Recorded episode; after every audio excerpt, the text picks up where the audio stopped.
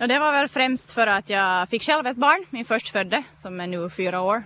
Och började intressera mig ganska mycket för det här med mammakroppen, för jag reagerar ju själv förstås på att det inte som det var tidigare när jag tränade jättemycket själv förstås. Före graviditeten så nu börjar jag sen reagera att nej, det här är inte riktigt detsamma mera och sen nappade jag på en utbildning och jag var helt klart att den ska jag gå. Mm. Och hur många mammagrupper har du dragit efter det?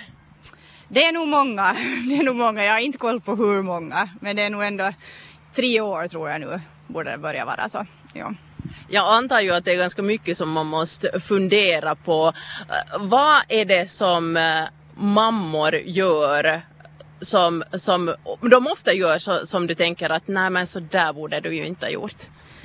Nå det är väl kanske främst där Alltså det är, nog, det är väldigt, väldigt mycket måste jag säga och det är väldigt svårt att säga exakt hur man ska träna och så här. Men det, det första mammor kanske tänker på är väldigt mycket utseende. Och det är väldigt mycket utseende fixerat om man tänker att oj nej att nu har magen varit rund och nu ska den jättesnabbt tillbaka och man ska börja träna jätte, jättehårt och ingen bryr sig kanske om någonting annat än hur man ser ut. Utan det man ju istället ska tänka på är hur man bygger upp den tillbaka. Och det är det vi brukar tangera ganska mycket på mina mammaträningar och träningar överlag. Att man ska fundera på helt enkelt. Mm. Jag har eh, själv en femåring så det var ett tag sedan eh, jag var gravid.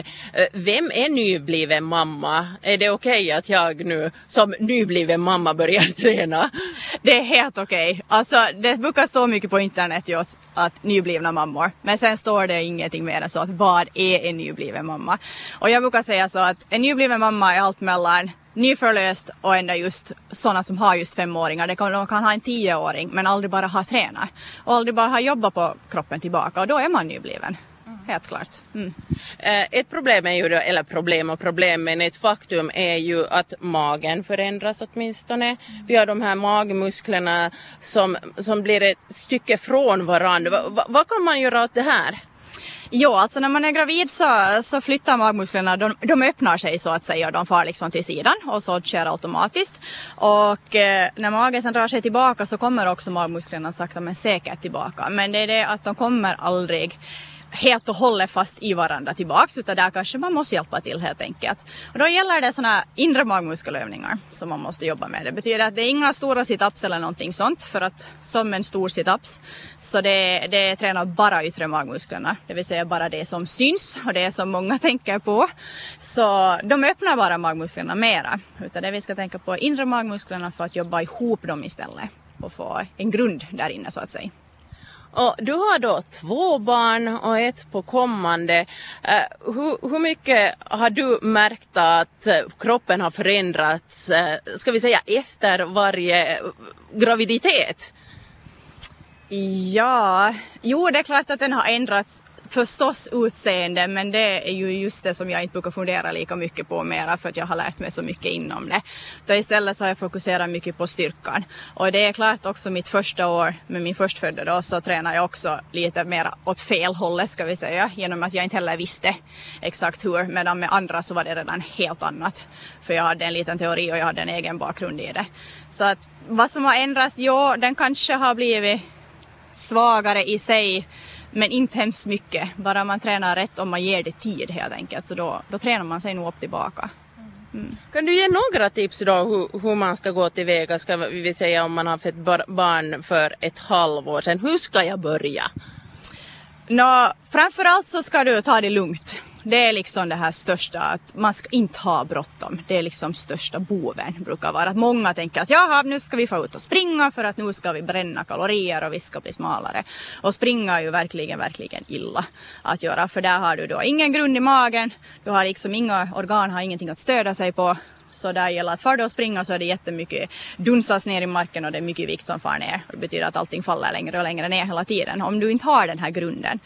Så det här är en, så det du ska tänka på är att börja lugnt, börja med promenader helt klart, långa, korta, efterhand ta lugna magmuskelövningar.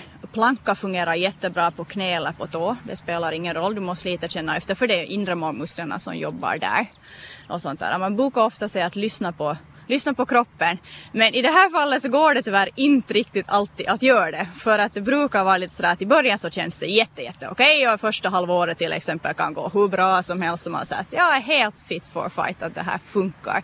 Medan sen när halvåret har gått eller lite längre då märker man att oh, oh, att nu börjar det falla och man till exempel man kan börja läcka. Man kan man ha tänkt att nej jag behöver inga knipövningar mera för det märks inte ens mera. Men det kan komma tillbaka tyvärr efter halvt år framåt. Då reagerar man på att nej, nu börjar det falla och då måste man börja om helt från början. Nu pratar du lite så här fackspråk som kanske inte alla förstår. Knipövningar. Ja, man måste göra knipövningar, alltså knipa ihop helt enkelt för att bli, jag vet inte, tajt tillbaka eller vad man ska säga. För det händer ju ändå så mycket, speciellt om man har, om man haft en normal förlossning, att det inte har varit kejsarsnitt så att säga. Så då måste man göra knipövningar tillbaka.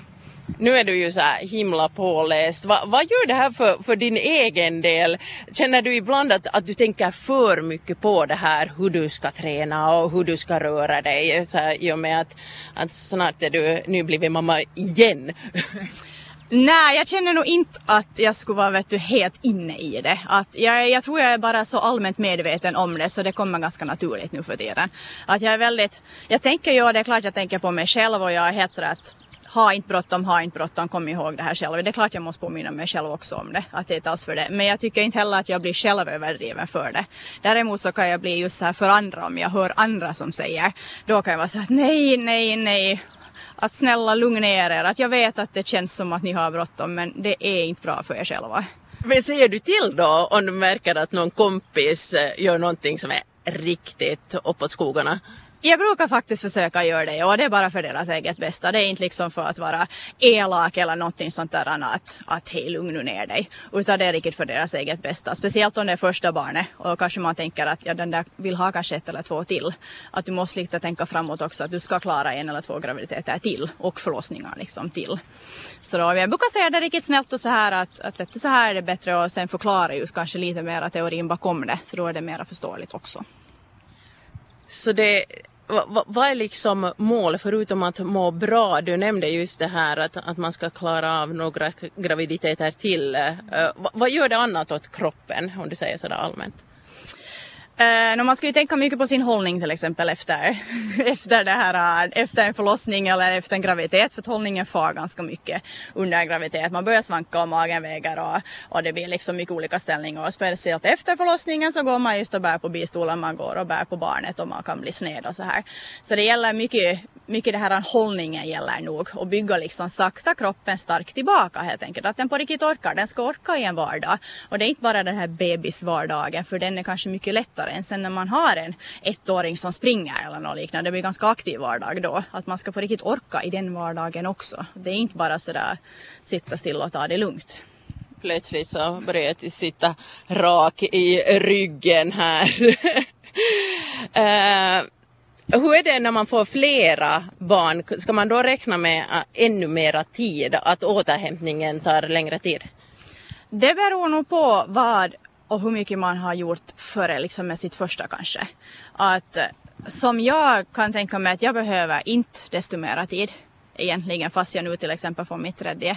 Att jag kommer inte att behöva något mina tidigare har varit allt mellan nio och tio månader så har jag varit ganska bra tillbaka så att säga och genom med det så tror jag inte heller att jag kommer behöva desto mera längre nu. Genom att jag har tränat efter mina graviditeter, jag tränar under min graviditet så då är det lättare att komma tillbaka. Men det är just det att har man inte tränat ordentligt så att säga och lugnt och koncentrerat mellan så det är klart att det tar längre då med följande. Det låter skönare, en, som en skönare variation det där att, eller version det där att kanske träna lite under graviditeten också. Ja, det, det, jag rekommenderar nog det. Förstås man kan träna på ett annat sätt och man måste ha det lugnare och så här. Men jag rekommenderar det helt klart, det är inget farligt med det. Mm. Eh, du leder som bäst också sådana här vanliga äh, gruppgymnastik, alltså gympagrupper. Du, du har inte just nu någon sådana här mammagrupper men använder du de här teorierna också i de här vanliga gympapassen? Helt klart. Jag leder alltså, för tillfället leder jag då en gång i veckan alla tisdagar. Så jag har haft utepass. Och då har vi varit till exempel på ut och gå-träning. Så att vi är ett gäng som får ut och gå. Då kan man ha fast barnvagnen med om det är sådana som har det. Funkar jättebra. Vi kör träningar, övningar på vägen när vi går. Ibland har vi träning helt och hållet på plats. Och fast det här inte är helt koncentrerat som mammaträning så alltså den här bakgrunden den finns alltid kvar. Det är liksom, det är inte en chans att jag skulle göra en vanlig sit-ups till exempel på mina träningar mera. Och det är också för att jag själv är en mamma och så här, alltså det är liksom, det, det, det finns inte mera helt enkelt.